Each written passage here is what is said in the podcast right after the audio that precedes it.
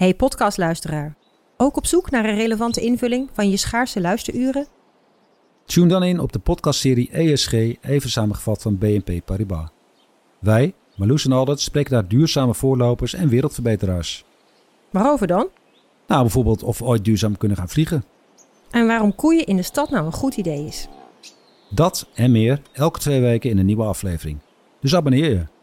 ESG, even samengevat.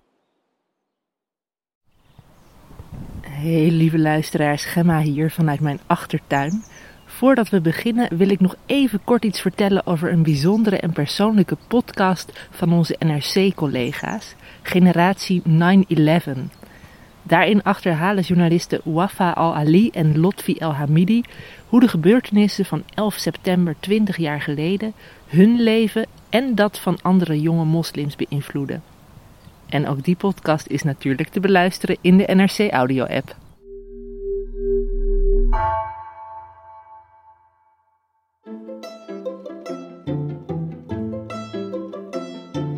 Welkom. Wij zijn Onbehaarde Apen. Dit is een podcast van NRC over wetenschap.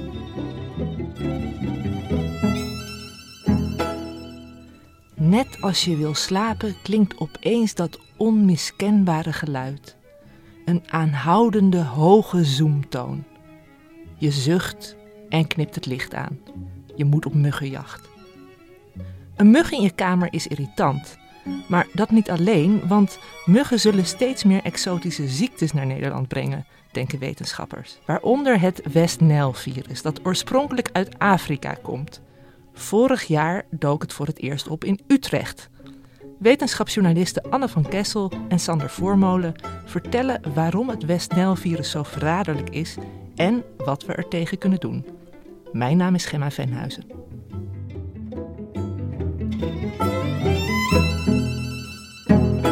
Zeg Sander, zijn er eigenlijk wel veel muggen dit jaar? Want het voelt toch een beetje als een matige zomer. Nou, er zijn niet uh, minder muggen in ieder geval. Want uh, kijk, uh, een, een, mooie zomer wil nog niet zeggen dat je ineens veel muggen hebt. Het, het hangt ook af van de regenval. En, ja, die hebben we genoeg. Ja. Die muggen die voelen zich eigenlijk altijd wel lekker in de zomer. En we zijn ook op muggenjacht geweest in Utrecht. En inderdaad vonden we heel wat muggen. En als je veel hè, zegt van nou, we hebben veel muggen, of in ieder geval evenveel als, als normaal. Hoeveel muggen daarvan zouden het West virus bij zich kunnen dragen? Nou, dat, dat zijn er maar heel weinig in Nederland. Uh, eigenlijk is dat ook niet zo goed bekend. Want vorig jaar zijn er maar in een paar muggen uh, dat, is dat virus aangetroffen. Maar je, je moet op je hoede blijven. Want, want Anne, uh, wat is het West virus? Uh, het West virus behoort tot de Flavivirussen, waar ook dengue, gele koorts en het Zika-virus bij horen. Um, muggen die raken besmet als ze een vogel bijten die uh, besmet is. En die uh, muggen kunnen het vervolgens dan weer overbrengen naar bijvoorbeeld mensen of paarden of andere zoogdieren. Ja, want jij zegt het nu heel mooi. Eh, bijten, hè? want we hebben het vaak over steekmuggen, maar in, in feite steken ze helemaal niet, maar ze bijten, bijten, ze met ja. hun, hun zuigsnuit om ons vervolgens leeg te zuigen. En, en Anne, jij zegt het net, hè? gele koorts, zika, dengue, dat klinkt best als een heftig rijtje. En is, is het West virus ook zo heftig? Nou, het valt wel mee. De meeste mensen, 60 tot 80 procent, krijgen helemaal geen klachten. Als je die wel krijgt, gebeurt dat na 3 tot 15 dagen. En 20 tot 40 procent van de mensen die klachten krijgen, krijgen echt lichte klachten. Dus een beetje griepklachten, hoofdpijn, diarree, misselijk, misschien wat koorts. En in zeldzame gevallen, dus echt maar 1%, uh, krijgen mensen echt heftige neurologische verschijnselen. Zoals uh, bijvoorbeeld een hersenontsteking. En daar kun je ook aan overlijden. Maar die kans is dan ook nog eens best wel klein. Dat binnen die groep met die, uh, die ernstige verschijnselen is dat nog maar 4 tot 14 procent dat maakt het ook wel weer lastig, juist, hè, wat je zegt van zoveel mensen met vage klachten. Dus het zou best wel kunnen dat misschien zelfs iemand van ons het al gehad heeft zonder dat we het door hebben gehad. Ja, dat zou best wel goed kunnen. Ja. En hoe weet je dan met zulke algemene klachten dat je Westnel hebt, Sander? Ja, dat, dat is dus inderdaad uh, heel lastig, want het lijkt gewoon op een griep. En uh, ja, de, de beste methode is om het gewoon uh, uh, met genetisch bewijs aan te tonen. Zo, zoals we nu ook met corona doen bijvoorbeeld. Iedereen gaat naar de teststraat om een PCR-test te nemen. En dan, dan weet je zeker of het corona is of niet. Nou, dat, hetzelfde kun je ook met het West-Nile-virus doen. En dat kun je aantonen in het bloed, maar ook in het, in het hersenvocht. Dus, uh, dat mensen... klinkt als niet een heel prettige test. Nee, dan, dan moet je met een ruggenprik een beetje vocht uit de, uit de uh, ruggenmerg nemen. En dan kun je daarin meten of er virus in zit. En uh, een, een derde methode is nog om te meten in het bloed of om te kijken of er antistoffen zijn.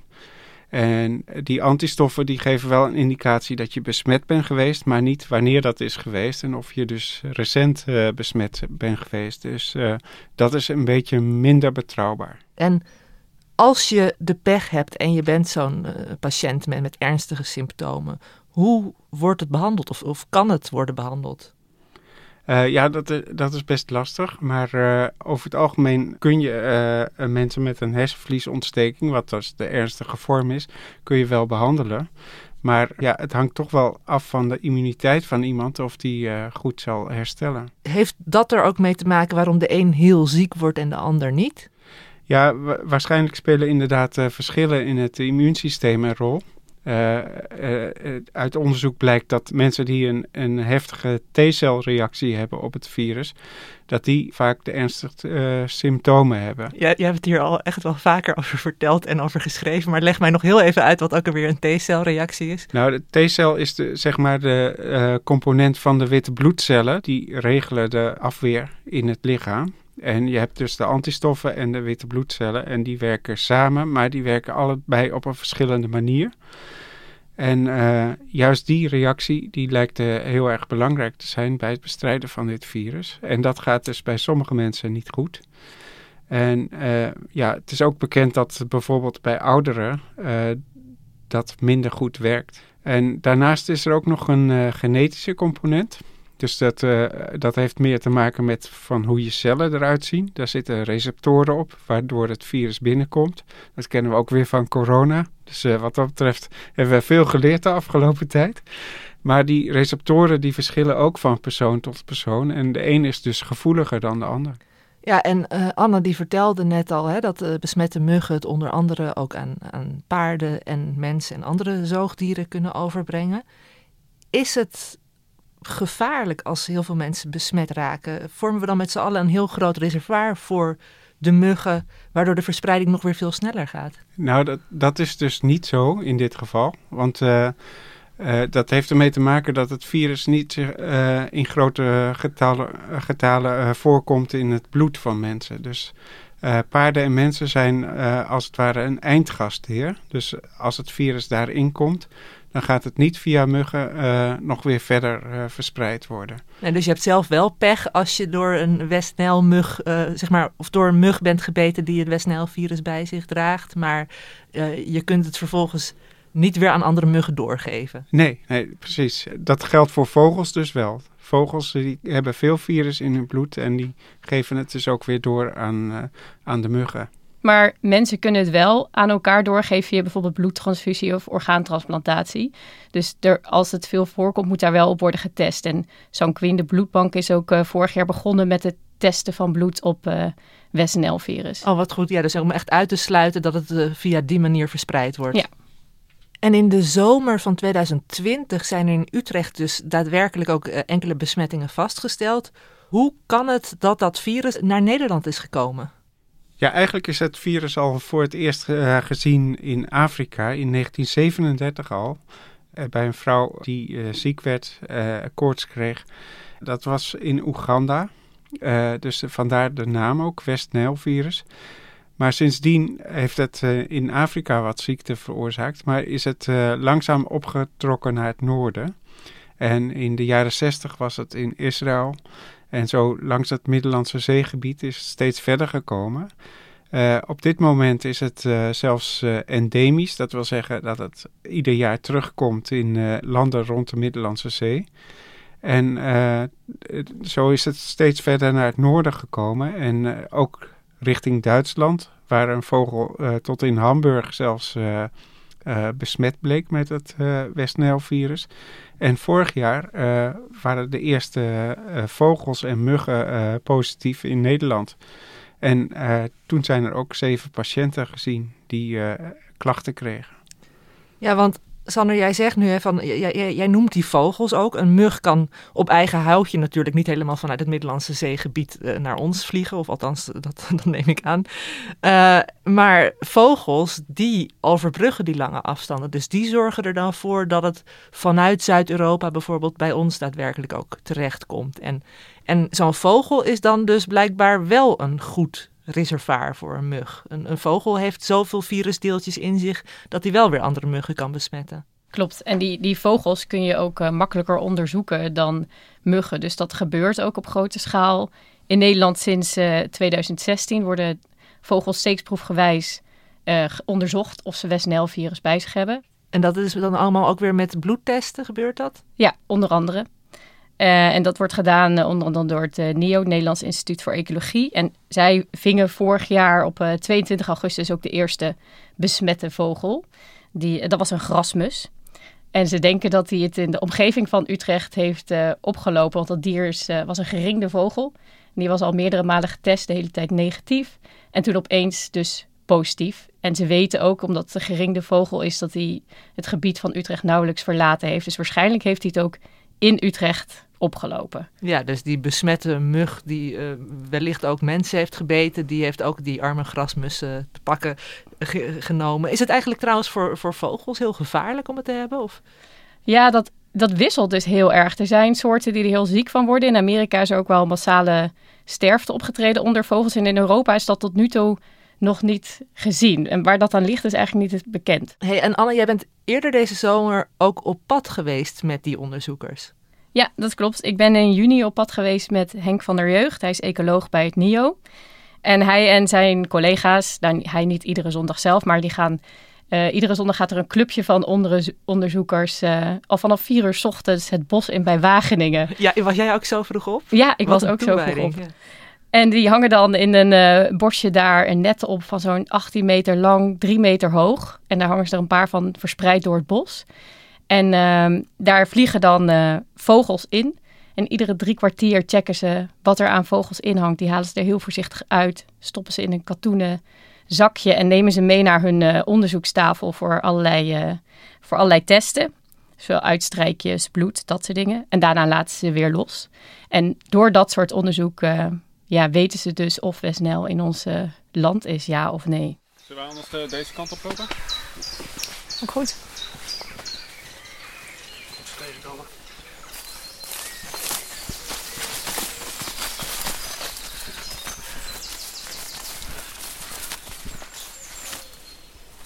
Daar hangt al iets. Daar hangt een zwartkop.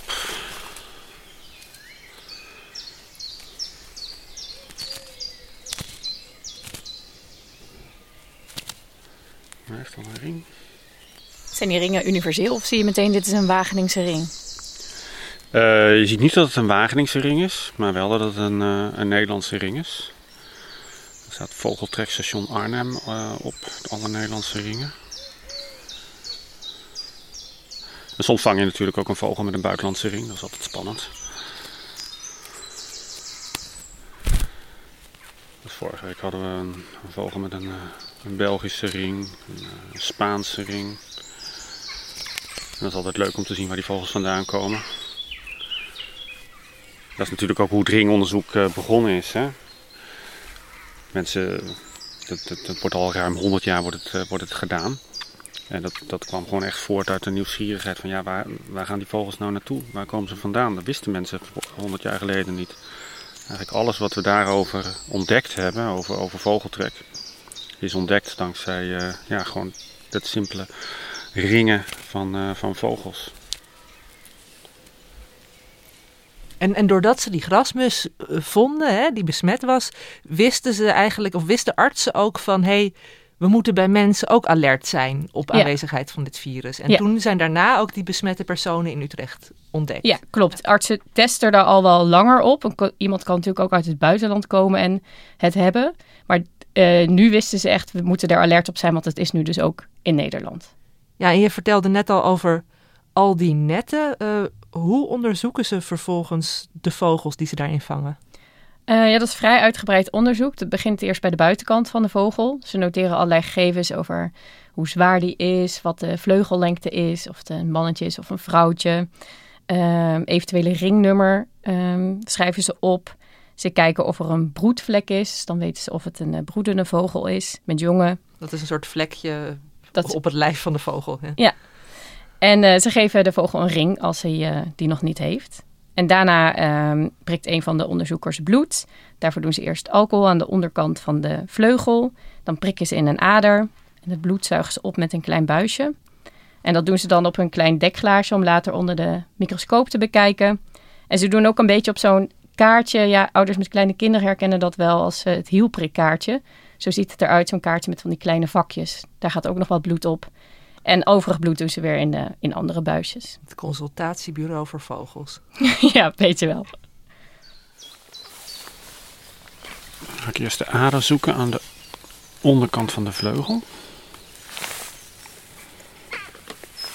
met een beetje alcohol doe ik dan de, de veren opzij, dan kun je dat goed zien.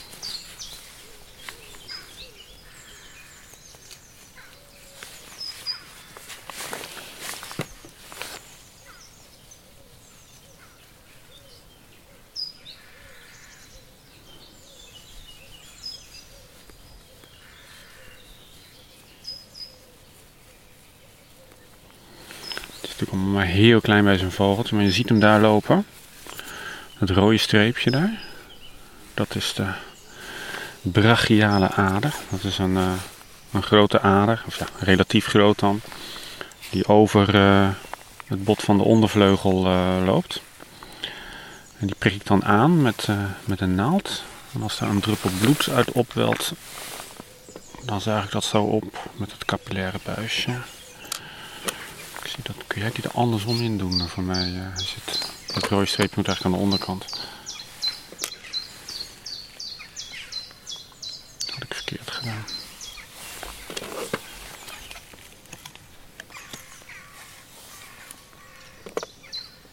Wat een priegelwerkje. Ja. En daarna pakt hij een, uh, een wattenstaafje en daarmee gaat hij uh, door de keel voor een uitstrijkje. En bij grotere dieren pakken ze dan nog ook een ander wattenstaafje om uh, door de cloaca te halen. En die, uh, die wattenstaafjes gaan in aparte buisjes met uh, speciale vloeistof, het virustransportmedium. Dan kijk ik tenslotte nog of de vogel ook teken bij zich heeft. Als ze die hebben, dan zitten die meestal rond het oog of rond de snavel, waar de, waar de kale huid zichtbaar is. Soms is het heel goed zoeken, want die teken kunnen heel klein zijn. Maar ik zie niks. Nee. En moet hij dan ook nog aan de binnenkant van de vleugel een veertje afstaan. Dat gaat in dat buisje. Ook in die veren kunnen we weer op zoek naar, uh, naar virusmateriaal. We willen eigenlijk kijken hoe goed die, uh, we dat in, in veren kunnen opsporen. Dus dat vergelijken we dan met wat we in, uh, in dat speeksel uh, vinden. En als, dat, als die methode goed genoeg is, dan betekent dat dat je ook gewoon, zonder dat je de vogel in handen hoeft te hebben, dat je bijvoorbeeld ook veren op, van de grond zou kunnen oprapen en analyseren om te kijken wat er allemaal in zit. Dan is de vogel klaar. dan kan die kan die gaan. Hoppakee. En dan vloog hij al weg. Nou, al dat verzamelde materiaal, de wattenstaafjes en het hielprikkaartje, die gaan naar het Erasmus MC in Rotterdam. Waar het geanalyseerd wordt op de aanwezigheid van virussen. En dat micro microscoopglaasje met bloed en eventueel overgebleven bloed in aparte buisjes, die blijven in Wageningen voor onderzoek naar het immuunsysteem. Um, ze kijken dan of dat bloed reageert op verschillende soorten virussen. Dat geeft dan aan of ze recent een infectie hebben doorgemaakt. En dat dekglaasje gebruiken ze om te onderzoeken of uh, de vogels vogelmalaria bij zich dragen. Je zegt uh, dat geeft aan of ze recent een infectie hebben doorgemaakt. Als je één keer het West virus gehad hebt, ben je dan uh, als vogel of misschien ook als mens voor de rest van je leven immuun? Ja, dat is, dat is nog maar de vraag. Want kijk, antistoffen duiden er wel op dat je dus het virus aan het bestrijden bent. Maar uh, of je dan ook volledig uh, zo immuun wordt dat je het virus niet meer doorgeeft, dat is nog wel de vraag. maar in ieder geval zul je er dan minder ziek van worden. Ik kan me voorstellen dat je heel veel vogels moet onderzoeken om echt een accuraat beeld te krijgen van de aanwezigheid van het West Nile-virus in Nederland. Ja, dat klopt. We moeten heel veel vogels onderzoeken, maar natuurlijk ook veel muggen, want die, uh, die bijten dan uiteindelijk weer de, de mens. En Henk van der Jeugd die vertelde ook dat het echt een beetje zoeken is naar een speld in de hoorberg. Vorig jaar, toen we West Nile-virus uh, vonden bij die vogels, hebben we datzelfde virus ook in, in de muggen die we gevangen hebben in de muggenvallen daar aangetroffen. En vervolgens, toen we, toen we eenmaal wisten dat dat virus aanwezig was, zijn we natuurlijk heel intensief daar gaan monsteren. Dus dan hebben we de vogelvangactiviteiten uh, enorm opgeschroefd op die plek en heel veel plekken daar in de buurt. En zijn er ook heel veel muggenvallen opgevangen om te kijken hoe, hoe groot die uitbraak was. En toen hebben we het op meerdere plekken in, in muggen gevonden. En wat we dit jaar gaan doen is op dezelfde locatie op een heleboel plekken die er eigenlijk qua habitat beetje vergelijkbaar uitzien als, uh, als die plek waar we vorig jaar het virus hebben gevonden. Gaan we, gaan we vogels vangen, gaan we muggen vangen en nog op andere manieren andere dieren, zoogdieren vangen. Om te kijken of we op dat soort specifieke plekken dat, dat virus dit jaar ook weer tegenkomen. Ja, en Anne, jij noemde net al even de grasmus, een klein zangvogeltje. Um, maar wat voor andere vogels kunnen het virus nog bij zich dragen? Ja, in principe alle vogels. En daar wordt ook wel uh, onderzoek naar gedaan. Inmiddels hebben de onderzoekers binnen dit uh, uh, programma 15.000 vogels onderzocht. En ze hebben het nu bij negen vogels van zeven verschillende soorten aangetroffen. Dus naast die grasmus nog een zanglijster, roodborst, huismus, merel, tjiftjaf en bij de koolmees. Dat zijn wel vrij bekende vogelsoorten, dus uh, ja, dat zit wel allemaal in je achtertuin, zeg maar. Ja, dat komt wel dichtbij. En allemaal de, de, de, kleinere zangvogels, toch? Nou ja, zanglijster is nog redelijk fors, maar hè, roodborst, koolmees, eh, dat is ja, best klein. Ja, het kan ook dat dit, uh, dit onderzoek met die netten, dat, dan vang je natuurlijk voornamelijk kleine vogels. Hebben wel één keer een grote roofvogel in het net gehad, maar dat komt echt heel zelden voor. En er zijn ook wel onderzoeken die kijken naar grotere vogels. Maar dit, echt dit grote onderzoek, dat kijkt voornamelijk naar kleine. Dus dat kan ook nog wel een beetje een vertekend beeld geven. Sander, je zei al net even dat vorig jaar bij zeven mensen in Nederland het West virus is vastgesteld.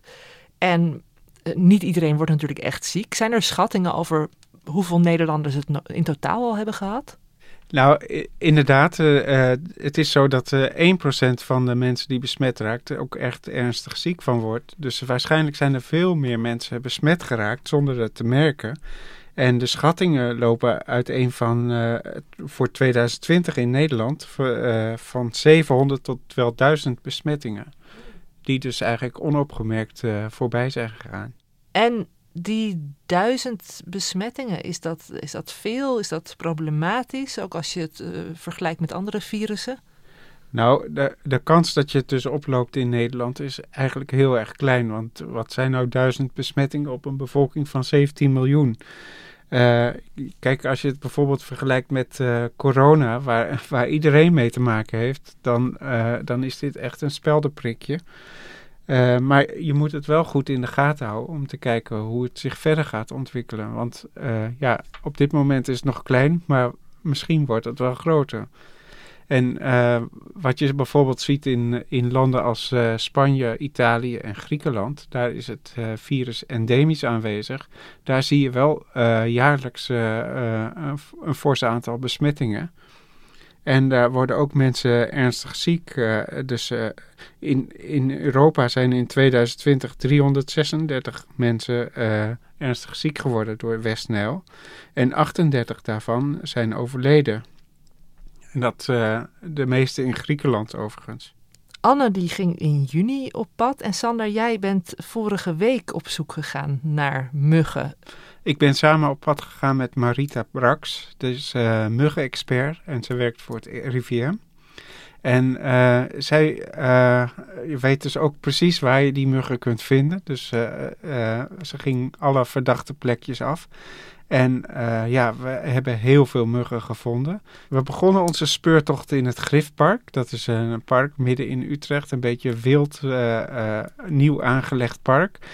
En daarna zijn we langzaam de wijk ingelopen om te kijken of we daar ook nog muggen konden vinden. Nou, we gaan nu uh, een metalen putdeksel uh, lichten. Een beetje in tegenadvies van mijn collega, want zij tilt nooit vierkante putdeksels op. Want vierkante putdeksels kunnen erin vallen, ronde niet. Dat vond ik een enorme wijze les. ja. Um, dus we gaan het proberen. Oh kijk, deze zit gewoon vast. Kijk, kijk, kijk. Nou. Um, ik zie al wat vliegen. Ja, dit zijn Culex, dat weet ik bijna zeker. Ja. Dus die gaan we even vangen. Ja. Je zwaait een beetje als een soort uh, magier met dat doekje heen en weer. Een net. Oh kijk, je zuigt ze op met een slangetje. Je ziet hier een vrouwtje. Die heeft een lange steeksnuit, zie je dat? En twee antennes.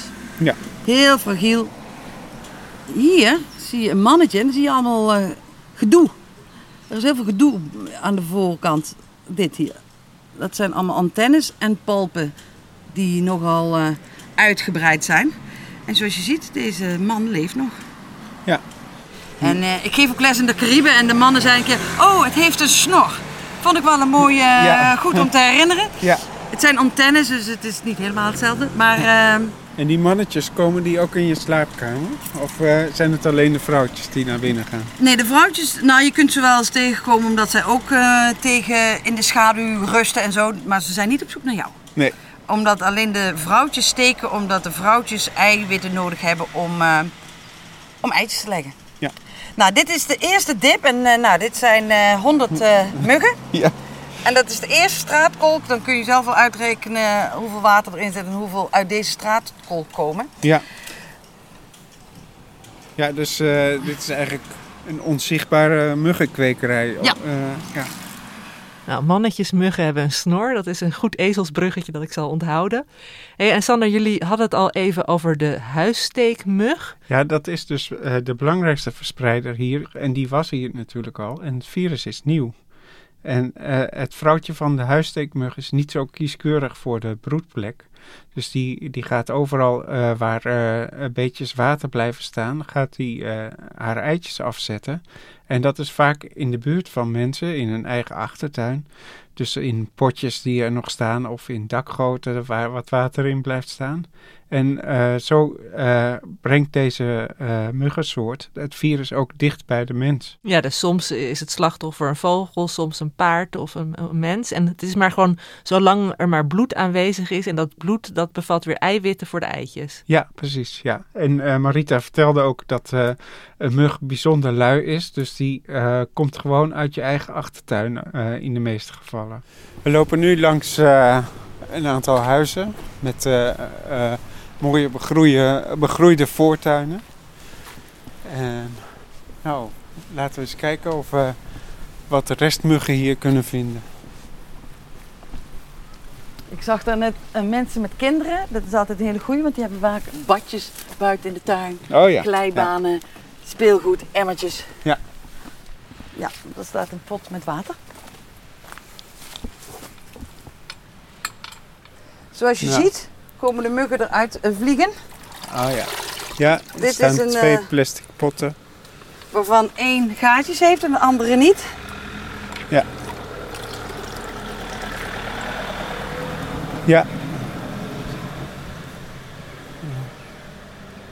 Het is niet zoveel als in de put. maar- Nee, nee. En hoe lang duurt het voordat zo'n eh, zo'n gelegd eitje dan eh, tot een volwassen mug is? Ehm, dat ligt een beetje aan de temperatuur. Eh, muggen zijn koudbloedige dieren, dus die zijn enorm afhankelijk van de Ja. temperatuur, hoe snel dingen gaan. Plus het ligt eraan hoeveel voedsel ze hebben en hoeveel andere beestjes erin liggen. Ja. Dus ze hebben, ze, ze- concurrentie, Ze, hebben ja. concurrentie en zeker omdat een container heel beperkt is en ze komen er met z'n allen in, dat er veel competitie is. Daarom komen ze ook allemaal niet. Daarom is in zo'n potje altijd concurrentie. En daarom zijn ze ook hele succesvolle dieren, omdat er gewoon een bepaald sterkste overleven of de meeste efficiëntie. Dus Ja. je hebt in zo'n potje elke keer een soort, eh Ja. soort eh, rat race. Ja. Maar in, als het warm weer is, eh, ligt er aan waar je bent. In de tropen kunnen de muggen binnen een week van, van eitje tot volwassen komen, maar dat is heel snel. Ja. Dus een beetje 22 graden is het twee weken. Ja, Dan, dan zijn ze Ja. gelegd, komen ze uit, gaan ze door de vier instars. Zijn ze meestal twee dagen eh, pop en dan komen ze daaruit. Ja. Nou, eh, mensen hebben wel vaker van die potjes in hun tuin staan. Eh, wat kun je daar het beste aan doen? Is het nodig om die dan regelmatig even te controleren? Nou, wat wij eh, vaak. je moet je verschil maken tussen functioneel water en niet functioneel water. Eh, waar we nu bij staan is een bloempot die er toevallig stond en volgelopen is. Dient verder rest helemaal geen doel. Dus het makkelijkste is om deze dingen gewoon op de kop te zetten of binnen te zetten of te beheersen. Er is geen ander doel. Ehm, als je functioneel water, zoals een hondenbakje of een vogelbadje of ehm, regentonnen, dat is een aparte categorie, maar eh, eh, een badje voor een gieter, maar ook een eh, kinderbadje. Dus voor, er is een beetje een conflict of interest tussen waterberging en muggen. Maar als je het water vervangt één keer in de week, dan heb je nooit muggen. Ja. Dan moet je het water natuurlijk in je tuin doen, dus je hebt wel het effect van waterberging. Vaak hebben mensen zelf last van hun eigen muggen Ja, omdat muggen gewoon heel lui zijn. Waarom zouden ze drie kilometer vliegen als ze gewoon thuis wonen met eh, Ja. bloeddonoren? Dus ehm, vaak kun je, en dat is niet vaak met problemen, maar bij muggen kun je heel veel van je eigen probleem zelf op te lossen door in je eigen tuin en misschien met de buren, als je daar een goede relatie met, geen muggen te kweken. Want Ja. dan weet ik zeker dat, ze, dat je minder last gaat hebben. En we hadden het net over de besmette vogels die al zijn gevonden. Zijn er ook al veel besmette muggen gevonden? Nee, eigenlijk nog niet zoveel. Vorig jaar vonden, ze, vonden onderzoekers er vijf in het eh, gebied waar ook die besmette grasmus werd gevonden. En dat komt ook een beetje, het is eh, natuurlijk super intensief onderzoek. Je moet die vallen opbouwen, daar moet vergistend eh, stroop in dat die muggen aantrekt. Dat moet je iedere twee dagen vervangen.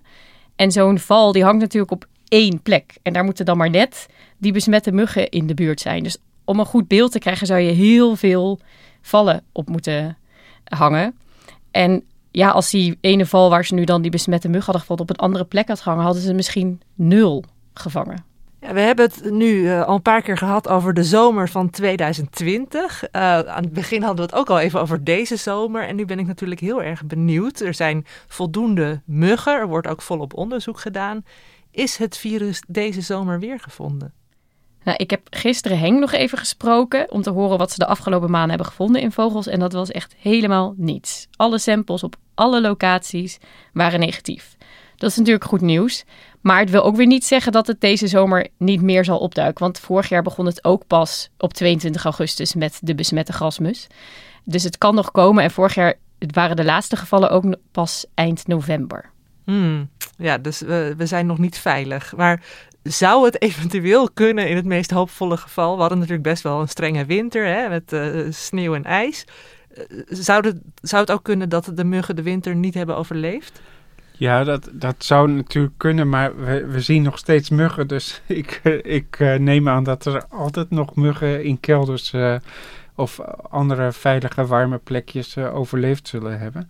Maar de vraag is natuurlijk of ze dan besmet waren en het virus ook de winter heeft overleefd. Dat is nu niet duidelijk. Maar het kan natuurlijk ook zo zijn dat, er, dat het virus opnieuw met trekvogels dit jaar weer naar Nederland is gebracht. Ja, want dat vraag ik me ook wel af. Het West-Nijl-virus is, is één gevaarlijk exotisch virus. Hoe zit dat met andere virussen die met muggen meekomen? Zou je kunnen zeggen dat de komst van het West-Nijl-virus naar Nederland ook eh, samenhangt met, met opwarming, met klimaatverandering? Ja, dat is wel eh, de gedachte die veel wetenschappers hebben. Maar dat bewijzen is heel lastig. Want eh, er zijn heel veel invloeden eh, natuurlijk op verspreiding van vogels en muggen. En, uh, maar de, de theorie is dat uh, de vogels het virus meebrengen en dat het virus bij hogere temperaturen zich makkelijker kan vermenigvuldigen en dat daardoor zich beter kan verspreiden. maar dat hangt natuurlijk van allerlei omstandigheden af, want als de muggen het niet goed doen doordat het heel droog is of, of dat er veel vogels zijn, dat maakt allemaal uit voor de introductie van zo'n virusziekte. Eh, kijk, eh, muggen zijn koudbloedige dieren, dus elke verandering in het klimaat heeft effect. Welke richting dat effect heeft, is natuurlijk afhankelijk van wat je onder klimaatverandering verstaat. De meeste mensen denken dan meteen aan warmer worden, dat is natuurlijk ook zo. Maar we weten ook dat het de droogte en de hevige regenval, dat heeft allemaal invloed op muggen. En ook uh, het virus wat dan in de muggen zit. En daar heeft vooral temperatuur een heel grote rol in. Hoe warmer het wordt, hoe sneller een virus repliceert in een mug. En hoe sneller het repliceert, vermenigvuldigt, hoe sneller het ook nadat hij het virus heeft opgenomen, het weer kan afgeven. Want dat is eigenlijk de truc. Is dat muggen die nemen een virus op met het bloed, maar dan kan die dat niet meteen aan iemand anders doorgeven. Daar gaan dagen overheen. En als het warmer is, dan gaat dat veel sneller. Dus temperatuur heeft een enorme invloed. De keerzijde is, is dat als je geen virus hebt, kan het warm zijn, maar dan heb je nog steeds geen virusoverdracht als de juiste vogels er niet zijn, of dat de vogels de muggen niet tegenkomen omdat ze op een andere plek zitten, wat heel veel gebeurt, uh, dan, dan heb je ook geen mesnaald. Dus zeker beïnvloedt het de cyclus. Maar als je kijkt naar de wereld, is niet dat mesnaal altijd op de warmste plekken zit. Dus naast temperatuur kunnen ook andere zaken zeker limiterend zijn. De Wageningse ecologen die kijken ook heel breed naar verschillende ziektes die met vogels mee kunnen komen. En dat zijn niet alleen uh, muggenziektes. En ze kunnen daar uh, ook allerlei ziektes aan toevoegen waar ze op kunnen testen. En dat kan ook met terugwerkende kracht. Ja, je zegt het zijn niet alleen muggenziektes, maar muggen kunnen natuurlijk uh, al echt voor een heel rijtje vervelende ziektes zorgen. Hadden we het in het begin ook al even over. En dan blijken we ook nog allemaal kweekvijvers voor muggen in onze tuin te hebben. In de dakgoot, in de regenton, noem maar op. Moeten we allemaal onder een klamboe gaan slapen nu? Ja, volgens Henk van der Jeugd uh, slapen we over een tijdje allemaal uh, onder een klamboe. Hebben we in de zomer standaard daten in onze tas en zijn horen niet meer weg te denken uit onze huizen. Marita Brax die, die heeft al een beetje ervaring met hoe het is met in een, om in een gebied te wonen waar uh, West virus is. Want zij heeft jarenlang in Amerika gewerkt. Daar brak het dus in 1999 uh, uit in New York en zij werkte toen in Florida. De verwachting was van iedereen van dan komt het virus ook met trekvogels onmiddellijk naar Florida, want daar zijn de klimaatomstandigheden perfect. Maar dat was niet zo. Het virus verspreidde zich eerst naar het westen en toevallig is Marita ook verhuisd naar Californië en heeft daar overheidswerk gedaan. En toen was dus het West-Nijl-virus daar. Uh, en ze zegt, ja, mensen moesten wel een beetje rekening houden met het West-Nijl-virus. Maar op zich was het niet zo dat mensen heel angstig hoefden te zijn. Wat helpt om mensen te laten herinneren wat ze moeten doen tegen een dreiging, zoals in Californië. Daar hadden zij een riedeltje over de vier D's is to avoid dusk and dawn, to dress accordingly and to dump water. En in gewoon Nederlands is, is dat je vermijdt om in muggendichte plekken s'avonds te wandelen, omdat deze muggen s'avonds uh, actief zijn. Uh, dat je je moet kleden, dus dat je niet uh, in je bikini uh, door een natuurpark heen moet ja. gaan, maar dat je lange broek en een blouse met lange mouwen aandoet. En uh, het dampen is natuurlijk heel belangrijk. Is het dampen van water. Is dat je zorgt dat er geen stilstaand water in ja. is. Ik hoor nu vier D's, Sander, maar de vijfde D van date, die noemt ze niet. Nou, maar Rita vertelde wel dat uh, date een van de middelen is die heel goed werkt tegen uh, muggen. Er zijn natuurlijk ook allerlei huismiddeltjes die, die naar citroengeur ruiken, maar die, die werken niet bewezen goed. Nee, en ik heb uh, zelf ooit in een andere podcast verteld dat ik nooit een mug doodsla. Nou moet ik misschien wel die mening eens gaan heroverwegen of uh, toch inderdaad permanent onder een klamboe gaan slapen. Wat doen jullie eigenlijk zelf qua muggenbeveiliging? Nou, sinds ik wetenschappers hierover heb gesproken, betrap ik mezelf op dat ik wel voorzichtiger ben. Dus ik ben wel uh, in de tuin speelgoed uh, uit de zandbak van mijn kinderen aan het leeggooien. En uh, lege en bloempotten waar water in is gelopen aan het omgooien. Dat soort dingen. En we hebben, ik, woon aan een weiland en een sloot. En we hebben behoorlijk wat muggen. Dus we hebben sinds, sinds een tijdje ook wel horren. En jij, Sander? Nou, wij slapen nog altijd met open raam. Uh, living dangerously. uh, maar uh, ja, veel muggen komen er toch niet binnen vliegen. Af en toe hebben we er eens één. En die sla ik gewoon dood. wat ik wel ben gaan doen sinds ik hierover gehoord heb... is even goed kijken of er geen water in de goten staat. En inderdaad potjes leeggooien. Ja, want je wil uiteindelijk wel een soort eh, dierenparadijs in je tuin creëren, maar misschien niet per se een muggenparadijs. Nou, dank jullie wel, Anne en Sander, voor deze mooie verhalen. Ook bedankt Henk van der Jeugd en Marita Brax voor de reportages. Else van Driel bedankt voor de productie. En wat was het ook fijn om het Dudok kwartet weer te horen. Nou, luisteraars, fijn dat jullie erbij waren na deze eerste aflevering na de zomer. En graag tot volgende week.